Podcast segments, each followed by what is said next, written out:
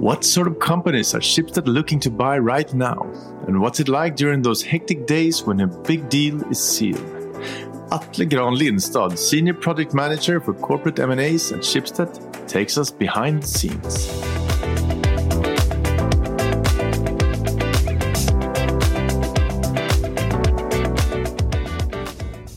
Atle, welcome to Schibsted Talks. Thank you very much. It's uh, great to be here. I want to talk to you about Adevinta and the spin-off from Schibsted. Could you explain to the listeners what happened in, in 2019 and why did it happen? Sure. So this was actually a bit before I joined Schibsted. So this is uh, kind of work of uh, some of my uh, predecessors. So basically, Schibsted took its uh, portfolio of online marketplaces outside of the Nordics, which had been built up both organically and through M&A over the last 15 plus years uh, and put all of those companies together into a new independent company that was named Adevinta. And then uh, decided to distribute a significant portion of the shares in Adevinta directly to Schibsted's shareholders. And then they listed the company on the Oslo Stock Exchange. So the purpose of doing this was to maximize value for Schibsted shareholders. And the idea was that by forming this independent company with its own strategy, management team, structure, and so on, and also having its own shares traded on the stock market, uh, that Adevinta would be better positioned to grow and to create value than under the Schibsted umbrella. And part of that was also about enabling Adevinta to act on significant M&A opportunities, having a listed share that could be offered in kind of big acquisition scenarios. And another reason for doing this was also to make the value of the Adevinta businesses more visible to investors and giving the public market investors the opportunity to invest in two different growth companies, Schibsted and Adevinta, with slightly different profiles and characteristics. And that idea turned out to be right, right? yeah, I would say uh, short answer is yes. I mean, um, one of the points behind spinning Adevinta off was to position that company for some of the significant M&A opportunities that could come up in the kind of global classified space. And, you know, with the deal with eBay, that's really basically what happened, right? So two of the major operators globally joined forces and doing that would not have been possible without the uh, initial spin-off of Adevinta in 2019. Both of the companies are listed on Oslo Stock Exchange, right? That's correct, yes. So what's the market cap for Adevinta today and what's the market cap for Schibsted today? Yeah, so currently Adevinta's market cap is roughly around uh, 180 billion in NOK, and Schibsted market cap is about 100 billion in NOK. And how big stake does Schibsted have in Adevinta? So currently, so right after the IPO, Schibsted had about 60%, but then after the, the deal with eBay, that stake was uh, reduced. So now Schibsted owns about 33% of Adevinta. So if I'm not mistaken with my quick mathematics here, Schibsted's stake in Adevinta is actually worth more than the rest of Schibsted. Yeah, I mean that, that depends a bit on how you look at it, really. Uh, because uh, if I just look on the market cap, yeah, no. If you just do the very simple math, then that uh, calculation is correct. Uh, yes. So what's at least fair to say is that the Schibsted stake in Adevinta is a very significant portion of the total market cap of Schibsted, for sure. So, in a giant deal last year, Adevinta acquired eBay Classified Group, creating the world's leading online marketing group, right? So, has this been a smooth transition? Yeah, so Schibsted basically worked together with Adevinta on making this transaction happen during the first half of 2020, right about the time when the pandemic hit. And when the deal finally was landed and announced in the summer of 2020, it actually took almost a year of getting the necessary approvals from different competition authorities in different countries in, throughout Europe before we actually could close the deal, uh, which happened this summer. So it's actually not before about now that the companies actually have started integrating and then kind of combining the businesses. Uh, so now it, they're uh, they're doing a kind of a huge integration project uh, between eBay Classifieds and, and Adevinta, but, but that's not really something that we at Schibsted are very much involved in. Uh, we're you know currently just a shareholder and just kind of monitoring that through some of the people that we have in the board of Adevinta. And if you take all Adevinta's marketplaces, what's the total reach? Yeah, so right now, Adevinta has number one market positions in 16 countries. And in several of these countries, they also own several different brands that are super well known among the consumers. And their overall footprint in terms of where they have marketplaces currently uh, covers about 1 billion people. And their sites receive about 3 billion visits per month in total. Not bad. And if you compare that to, to Schibsted, for example, and Schibsted's marketplaces in the Nordics, that figure is very different, right? Because we cover roughly about 25 million people. So the total consumer coverage of the Adevinta marketplaces is about 40 to 50 times Schibsted's marketplaces coverage.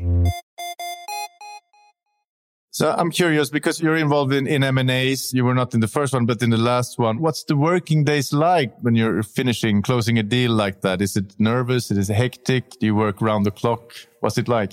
Sure. So in the eBay deal, we were a handful of people from Schibsted that worked together with a team of a similar size from Adevinta on kind of moving the project forward on a day-to-day basis in addition to that core team, there's a lot more internal people working on more specific work streams. And then we also have a bunch of external advisors on board helping us with a lot of different uh, topics. So in total, we're probably talking several hundreds of people that are, you know, actively contributing in trying to make a deal like this happen if we kind of put together all of the people involved from the Schibsted side, the Adevinta side, and the eBay side. You know, but if you look at the core team that we're in, uh, we are mainly working on trying to figure out if this investment is uh, sensible and you know, if the answer to that is yes, how can we structure it and how can, can we execute it and how should we position ourselves in negotiations and so on. Would you say that you yourself are a strong negotiator? Well, negotiations is a very uh, it's an important part of uh, my day to day job. So, uh, what's your biggest strength as a negotiator? Would you say? Well, I don't know. I think, in my point of view, at least, uh, negotiation is much more about trying to find solutions that create value for both parties or all parties involved, rather than necessarily winning. So I think understanding where your counterpart is coming from and trying to work with them instead of working against them is a approach that tends to give good end results. So you don't have a specific trick that you use? Well, we do have uh, several different uh, tricks that we use, of course, yes. But that, it's very situation specific. And, you know, in, in some situations, the room for how much value you can contribute with through negotiations is significantly higher than, you know, in other situations. So depends on the situation. I, I, was on the other side once uh, negotiating with Schibsted about selling them a magazine, actually. And there, there was this one guy who he, he had this, um, he went quiet all the time. You know, we, we, we came up with something and then he just sat there for one minute and, and taking his pen and, and, and, and making us very nervous. and I, I realized afterwards that was his trick and it worked really well. yeah, no, that's uh, I would say that's a textbook technique that uh, you can use just to, to wait out the counterparty basically and and uh, wait for them to cave in. So sometimes we do we do a bit of that as well.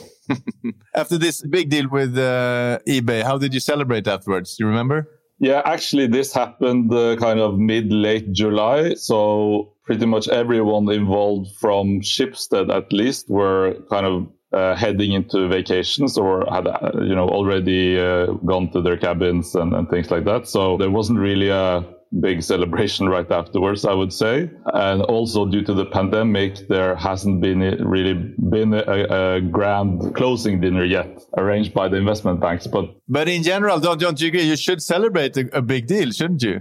Yeah, yeah. No, generally we do that, and often there's uh, you know a closing dinner arranged by the investment banks, and we uh, you know, go out and eat at a nice restaurant. And so that's the typical case, yes. Uh, on a personal level, when you close a deal like that, what's the feeling afterwards? Is it happiness or emptiness or? or... Uh, at least not emptiness, but uh, you know, sometimes if it's very hectic up to the point where you know before uh, you're done, then uh, you're obviously a bit tired. So it can be a feeling of relief if it's very stressful, kind of in the in the last um, yeah up to up to the uh, last parts of making it happen. But you know, generally it feels good, and particularly if it's an investment that you have a lot of a strong conviction on being a successful one, then actually getting it through and, and making it happen is a is a great feeling.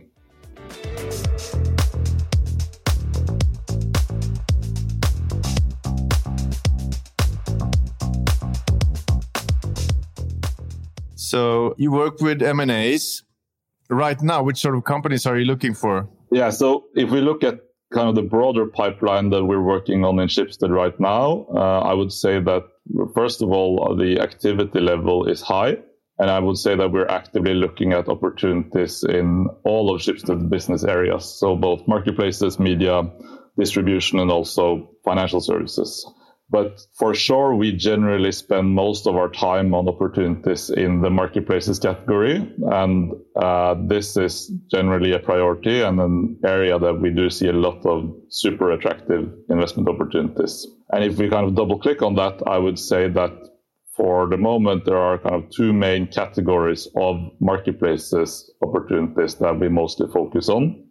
Yeah, so number one would be the kind of so-called traditional classifieds, the old school classifieds, right? So here we have a really strong portfolio of uh, businesses in the Nordics already, but there are uh, several other interesting candidates throughout the Nordics that we think could be interesting to add to our portfolio.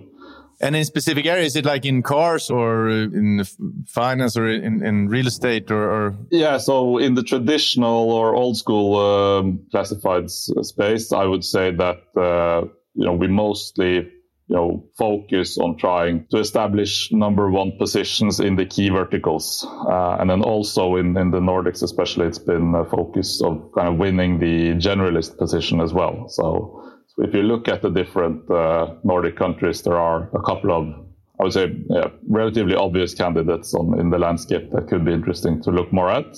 And then in addition to this, uh, the other category I would say is uh, next gen marketplaces. You know, the new players emerging that are offering a service that has been kind of tailored to really optimize the user experience for the buyer and the seller in, for example, a specific category or a segment. Could you give me an example of a company like that?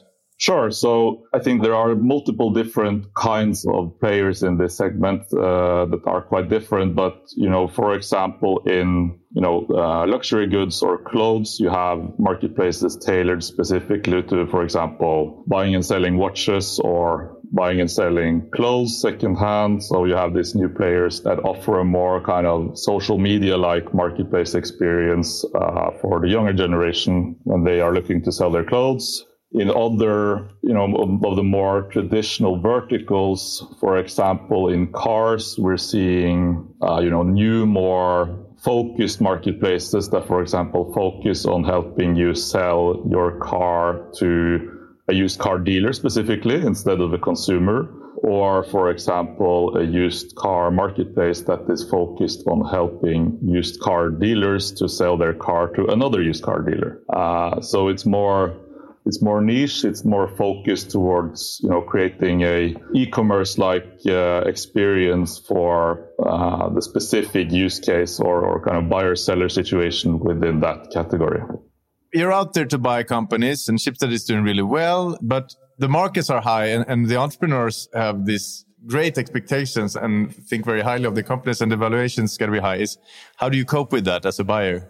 Yeah, so uh, irrespective of where the expectations are and where the market is at, we always have to kind of make up our mind on a case by case basis if we think an investment is attractive or not. So that's something that kind of is there independently of, of where kind of the market is uh, is at and how how founders expect valuations and so on. But I think that you know obviously when the market is at a level as where it is today, then it obviously impacts the way we kind of calculate an investment, right? So if we look at an opportunity that looks attractive, then if the market was a bit more conservative in its valuations, then probably we would have realized an even greater return on that investment in a different climate, right? So it absolutely makes us have to be a bit more kind of disciplined in looking at different opportunities. And obviously, it also uh, makes us having to say no to more opportunities that maybe we would do if kind of the valuation was at a different level. Schibsted is a disciplined buyer, basically. I, I, would say so, or at least it's fair to say that Schibsted historically has, on average, been super successful in their investments. So the investments on an overall basis have delivered very strong returns, and uh, that probably is more about you know or in realizing that it's more important, I think, to make sure that you invest in the right companies than necessarily how uh, you know how fine-tuned you need to be about the price at the time you enter the investment. So on that area, we at least have to be super disciplined on, on what we invest in. And to your question, I would say also yes, that it's in the core of Schibsted uh, to be disciplined in what we invest in. Absolutely.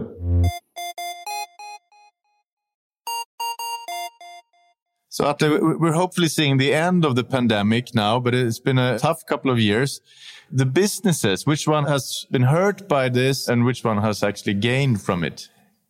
Yeah, so I think in if you look at both uh, Schibsted and Adevinta, you know, both companies are you know, mainly online based businesses, consumer facing businesses. And the pandemic has really increased the time that consumers spend online, both, you know, reading the news or looking at marketplaces for a new car or, or a new home or, and things like that. So on an aggregate level, I think the pandemic probably has given uh, the majority of the businesses, both in Schibsted and Adevinta, a boost really. But, and then you have a lot of different variations in the different geographies, right? So in Norway, for example, uh, the pandemic has helped create a very strong used car market and also a very strong real estate market. And now coming out of it, we're seeing a very strong job market as well. But if you look at, for example, Adevinta's portfolio, then there are probably countries like uh, Spain, for example, where the pandemic has had a, a, more severe impact in you know consumer confidence and, and the car market and, and uh, consumers' willingness to buy real estate and so on. So it's a bit of a mixed picture, but on the aggregate level, then the pandemic has been a positive to the types of businesses that uh, Schibsted and Adevinta operate. If you look at the marketplaces in Adevinta versus uh, Schibsted, like Le Bon Coin versus Finn or Blocket, are there deadly rivals or are they friends sharing product development? How does it look?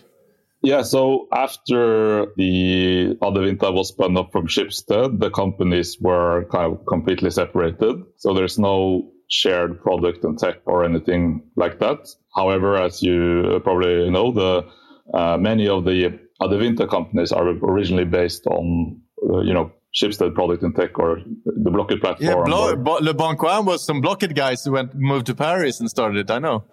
exactly, but right now there's no kind of cooperation between the companies. Um, and between the marketplaces businesses, I would for sure not say that they're competitors or rivals. I mean, both the marketplaces that we have in the Nordics and the marketplaces that Adevinta owns are very kind of locally focused, right? So, or they don't compete in any areas. Or they operate in very distant markets. So they have local strong competitors uh, that are rivals and that they're super focused on beating on a day to day basis. But that's local competitors. So Le Bon is not overly worried about what Finn is doing uh, in Norway, for example. Mm. Great, Atle. Thank you so much for coming to Schibsted Talks.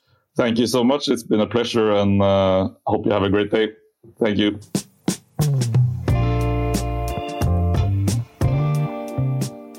This podcast was brought to you by Schibsted Employee Branding Team. My name is Hugo Renberg and producer was Jens Back.